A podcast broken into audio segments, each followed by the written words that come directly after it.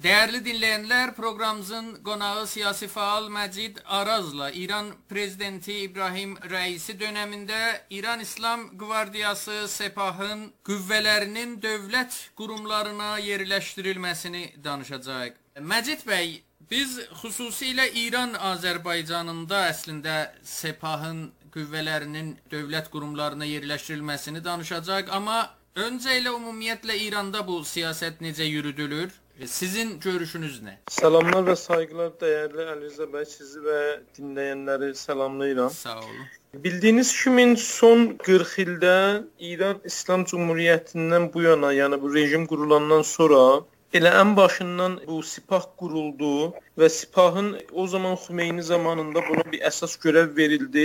İran İslam inqilabını və İran İslam inqilabının bir sonucu olan İslam Cümhuriyyətini qorumaq. Başından bəri bunlara bu bu görəv sorumluluq verilmişdi Xümeyni tərəfindən, amma eyni zamanda Xümeyninin bir bunlara bir əmri, bir dəsturu var idi ki, siyasətə qarışmayacaqsınız. E, amma indi hər halda zamanla e, belə oldu ki, hər e, keçən sürənin içərisində bunlar bu e, Sipahın e, qüvvələri siyasətə e, getdikcə daha çox qarışdılar. Özəlliklə də İran-İraq cəngi savaşı qurtulandan sonra bunlar daha aktiv bir şəkildə siyasətə və ekonomiyə girdilər. Öncəliklə millət vəkilliyi ilə başladılar və daha sonra işte ekonomiyə girdilər, e, siyasətə girdilər, istihbarat, yəni kəşfiyyat və təhlükəsizlik alanlarına girdilər və bu gedərək artdı. Rəisi hökuməti gəlmədən öncə hər kəs gözləyirdi ki, Sipah bir yumuşaq darbə, yəni yumuşaq uşaq e, kudeta eləyəcək və bir şəkildə gücü əlinə alacaq. Çünki ölkə, yəni özlərinin dediyinə görə o qədər dərin böhranlarla, krizlərlə qarşı-qarşıyadır ki, ancaq bunu bir əskəri güc kontrol altında saxlaya bilər. Rəisinin hakimiyyətə gəlməsi ilə birlikdə hardasa demək olar ki, bu yumşaq darbə böyük oranda e, gerçəkləşibdi. Bu gün məsələ baxırıq görürük ki, Misal üçün ən kritik e, baxanlıqlardan, nazirliklərdən biri olan Daxili İşlər Nazirliyi müstəqimən bir sipah generalına verilibdir. Çünki bilir, bilirsiniz ki, İranda bütün polis qüvvələri, ondan sonra bu çevik qüvvələr, e, bütün bu hani iç e, asayişdən və düzəndən, ölkənin içinin düzənindən sorumlu olan qüvvələr hamısı e, Daxili İşlər e, Nazirliyinə bağlıdır və bunlar e, ölkə içində e, son illərdə ciddi ayaqlanmalarla, e, etirazlarla sürəkli e, mücadilə verdikləri üçün bütün bu iplərin ucunu bu Daxili İşlər Nazirliyinin əlinə toplayıblar. Bu Daxili İşlər Nazirliyi də gəlib bəzi kritik ustanlara O cümlədən Şərqi Azərbaycan ustanına, Məş Məşhədə, yəni Xurasanı Rəzəviyə, bu şehrə, bu kimi ustanlara müstəqimən sipah generallarını vali, yəni ustanlar veribdi. E, və bir sıraları da var ki, bunlar doğrudan sipah generalı deyillər, amma çox ciddi şəkildə Sipahın təsirinin altındadılar. Misal üçün Ərdəbildə bu Ay Amilinin qardaş oğlusu və ya qardaşı nəvəsi, eyni zamanda Qərbi Azərbaycandakı Qərbi Azərbaycan valisinin ayrı danışılması gerəkən tərəfləri də var. Yəni kabinetdə də çox kritik postları, məsələn, Xarici İşlər Nazirliyi, Petrol Nazirliyi, ondan sonra bunlar hamısı Sipaha çox yaxın və demək olar ki, o yumşaq darbə, yumşaq kudeta böyük oranda artıq İranda gerçəkləşibdi. İran Azərbaycanında, xüsusilə də Şərqi Azərbaycanda siz də işarə elədiniz, General Abidin Xürrəmə verildi valilik vəzifəsi. Bunu biz elə o İranda yürüdülən ümumi siyasətin bir hissəsi kimi dəyərləndirməliyik, yoxsa oraya özəl şərait də var? Bunu necə dəyərləndirmək lazımdır? Bu təbii ki, İrandakı ümumi siyasətin bir parçasıdır. Yəni bunu İrandakı ümumi siyasətdən heç vaxt ayrı ki tutmaq olmaz. Yəni bayaq dediyim o ümumi sipahın yumuşaq darbə dediyimiz məsələsinin bir parçasıdır. Amma İranda hər bölgənin, hər məntəqənin özünə xas həssasiyyətləri var. Yəni Kürdistanın özünə xas həssasiyyəti var, Azərbaycanın özünə xas həssasiyyəti var, Xuzistanın özünə xas həssasiyyəti var, Bəluçistanın, Məşhədin, Tehranın Yəni bunların hər birinin özünə özəl xas həssasiyyətləri var və təbiətən Azərbaycanın həssasiyyəti İranın nəzərindən e, çox böyükdür. Çünki e, ya, Türkiyə ilə qonşudur, Quzey Azərbaycanla qonşudur. Son illərdə bu qərb e, zamanlarda bu Qarabağ savaşından sonra Azərbaycan məsələsinin e, şiddəti çox artıb Quzey Azərbaycanda, yəni İran-Azərbaycan gərginliyi, İran öz içində bir Güney Azərbaycan milli hərəkətindən ciddi söz edə bilirik və bu Güney Azərbaycan milli hərəkəti doğrudan bağlanır İrandakı türk məsələsinə və türk məsələsi yayılır ta Tehrana kimi, Şiraza kimi, İsfahana kimi, Kirmanşaha kimi yayılan bir məsələdir bu. Və bu getdikcə artır. İndi İranın xarici işlər, əski xarici işlər nazirliyinin dili ilə desək, İranın nüfusunun %40-ı türk dilində danışır. İndi hala kökəni nədir, başqa tərəfləri, hala o tartışılan bir məsələdir. Amma ən azından ana dilləri türkcədir və bu insanlara deyə bilərik ki, bunlar türkdülər və bunların hamısının bir növ demək olar ki, gözünün biri Tehranda da olsa, bir gözü Təbrizdədir. Yəni bu e, bir raic bilinən bir şeydir ki, yəni İranda türklərin, elə Tehranda yaşayan türklərin də, Şirazda yaşayan türklərin də bir gözdə Tehranda olsa, bir gözdə Təbrizdədir. Dolayısıyla bu e, İranda gözlənilən özəlliklə də bu dərin ekonomik krizdən dolayı bu çalxantılı dövrdə türk kitləsinin çox kritik bir önəmi var. Dolayısıyla Azərbaycanın və dolayısıyla Təbriz şəhərinin çox kritik bir önəmi var.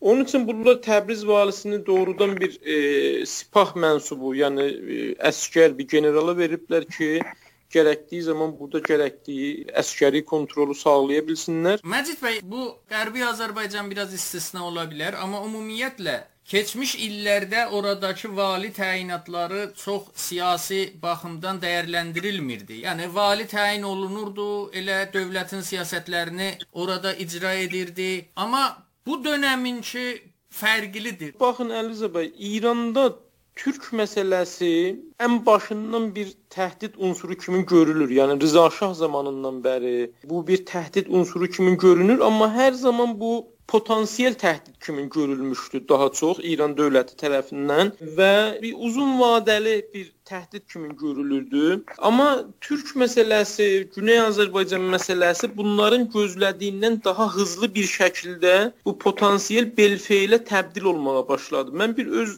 xatirəmi deyim. 2001 ilində ya 2000 ya 2001 ilindəki Babək qalasında ilk dəfə İranın güvənlik gücləri e, Azərbaycan ora yığışan Azərbaycanlıları Babək qlası qurultaylarında e, şiddətlə vurub döyüb dağıdanda onda Səid Həccariyan bir söz demişdi ki, e, siz bunları bu şəkildə bərxurd eləsəz, bunlar gedəcəklər təşkilatlanıb qayıdacaqlar və biz bunları artıq dağlarda yox, şəhərlərdə bunlarla qarşı-qarşıya olacağıq. O zaman İttilaat bir dənə elə bu Səid Həccariyanın da tə sözünün təsiri ilə bir dənə rapor çıxartmışdı və demişdi ki, e, bu hərəkət gələcək 30 il içərisində ciddi bir bilfil təhdidə təbdil olacaq. Ondan bir 5-6 il sonra mən bir başqa qaynaqdan oxuyurdum ki, bunların gözləməsi, yəni gözləntisi 30 il imiş, amma 5-6 ilin içində bu hərəkət, bu təhdid bilfilə dönüb, yəni 2006 ilində bunlar o bilfil təhdidi şəhərlərin içində gördülər. Yəni 30 ildə gözlədiyi məsələni 5 ildə qarşılaşdılar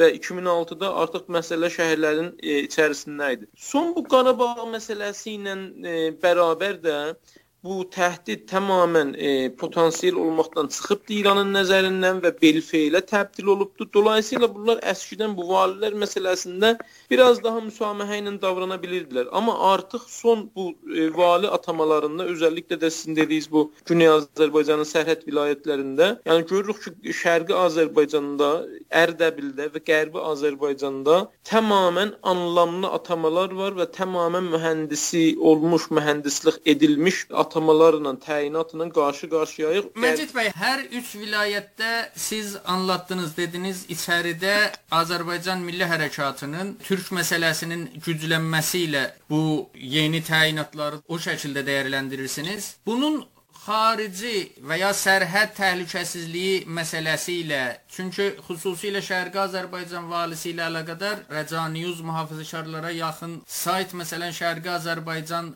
valiliyini onu Azərbaycan Respublikasında baş verənlərlə əlaqədar olduğunu yazmışdı. Nə deyirsiniz? Baxın, indi 30 il, 40 il bundan qabaq bəlkə Quzey Azərbaycanla Güney Azərbaycan bir-birindən çox etkilənmirdilər. Məsələn, bir, birinci Qarabağ savaşında Güney Azərbaycanda olanlar məhdud idi. Yəni birinci Qarabağ savaşının nəticəsində Güney Azərbaycanda daha məhdud təpkilər çıxdı ortaya. Eləcə də məsələ bir 10 il, 20 il bundan qabaq Güney Azərbaycanda biriləri tutulanda, vurulanda, bir Babək qalasında zətdə Quzey Azərbaycanda məhdud bir biz bunun yankısını görürdük. E, amma bu gedərək artdı. Baxmayaraq ki, indi hamı deyirdi ki, yəni Tehranda və başqa yerlərdə Elçi bəy hakimiyyətdən uzaqlaşdı, Heydər Əliyev gəldi, İlham Əliyev gəldi, bu yavaş-yavaş azalacaq falan.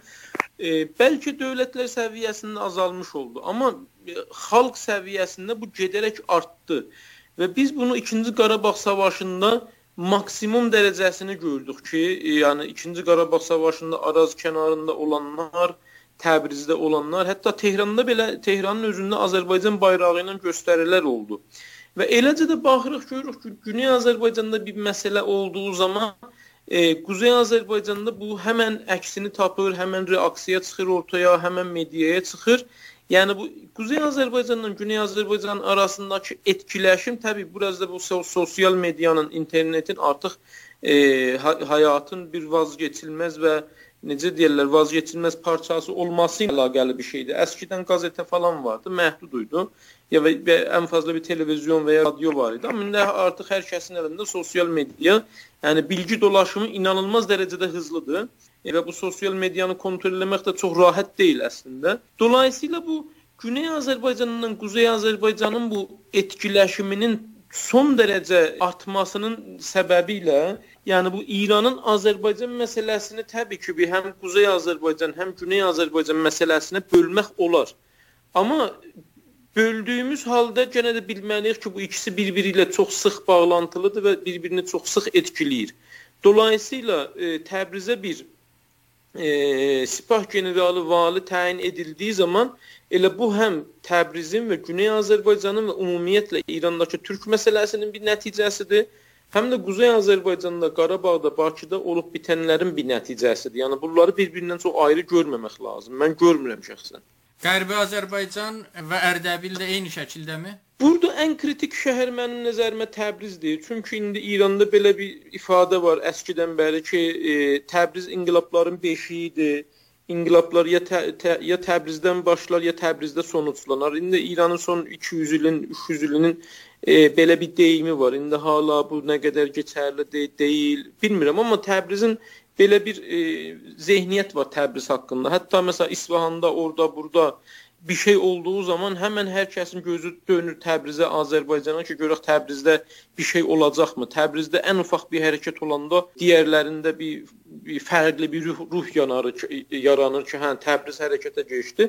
Dolayısıyla bu İran İslam rejiminin Təbrizdən olan zehniyyəti, hətta belə deyim, qorxusu bambaşqadır. Dolayısıyla yəni Təbrizi özəlliklə kontrol e, altında tutmaq bunlar üçün son dərəcə önəmlidir. Eyni zamanda ki, Təbriz, Ərdəbil, Zəncan, hətta Tehrana qədər olan saha bir-biri ilə bağlantılıdır, amma yenə hər birinin ayrı e, şeyi var, e, hə, həssasiyyəti və özəlliyi var. Ərdəbil biraz daha Tə Təbrizdən sonra gələn, biraz daha bu dini, məzhəbi duyğuların ağır basdığı bir bölgə olduğu üçün hər halda ehsas ediblər ki, ora doğrudan bir sipah generalı təyin eləməyə gərək yoxdur, amma bu Həsən Amilinin ki, indi Sipahın Sipahın bölgədəki tribunu sayılır. Onun qardaş oğlusu ki, eyni zamanda da bir məzhəbi bir fiquru da ola, Ərdəbil üçün yaxşı bir qozin ola bilər. Qərbi Azərbaycana gəlincə də Qərbi Azərbaycanda bilirsiniz ki, e, orada bir etnik məsələ var, bir bölgəsəl terror məsələsi var. İranın Türkiyə ilə e, Güney Azərbaycan arasında bir tampon bölgə yaratma projesi var ki, e, eyni Quzey Suriyədə olduğu kimi Qərbi Azərbaycanda da bu terror yapılanmalarından bir Türkiyənin qarşısında bir tampon bölgə yaratsın. Dolayısıyla da ona yönəlik bir e, necə deyirlər, mütəxəssisləşmiş, uzmanlaşmış ki, bu terror yapılanmaları ilə daha yaxşı, rahat əlaqə qursun. Bir belə deyək də Şiə Kürd vali ki, eyni zamanda da məsələn Məşhəddə Talibanla çox yaxın əlaqələri olub, onlarla işlər orqanizə edib. Yəni sınır ötəsi terror, terror yapılanmaları konusunda e, uzman və eyni zamanda e, elə yazılanlara görə bu etnik məsələlərdə də uzman. Yəni Qərbi Azərbaycanın da öz həssasiyyətləri var. Orada İran dövlətinin o demoqrafik yapını yenidən e, şəkilləndirmə, türk nüfusunun əleyhində yenidən şəkilləndirmə yönəlik bir uzman isim kimin bu adam oraya atanıbdır ki, əlbəttə bundan öncəki isim də e, Məhəmməd Mehdi Şəhriyar da dəqiqən bu profilə sahib idi. Ondan öncə də Himməti adında birisi oraya elə dəqiqən bu profildə birinci dəfə təyin edilməyə çalışıldı. Onunla biraz hər halda yetərincə e, məsələni orqanizə eləmədikləri üçün etirazlardan dolayı eləyənmədilər Himmətinin məsələsində. Amma Himmətidən sonra Himməti, Şəhriyarı və indi bu ayı mötəmidin yanından baxırıq görürük ki, bir sürəklilik var İran dövlətinin bu e, politikasında, bu siyasətində, yəni Qərbi Azərbaycanda bir tampon bölgə yaratma siyasətində bir sürəklilik var. Son 3 vali və ya vali adayıdırsa. Ondan öncə gələneksel olaraq Qərbi Azərbaycanda türk valilər olurdu. Yerli elə Qərbi Azərbaycan özündən olan valilər olurdu. Amma son bu 3 e, vali və vali adayında görürük ki, orada anlamlı bir dəyişiklik var.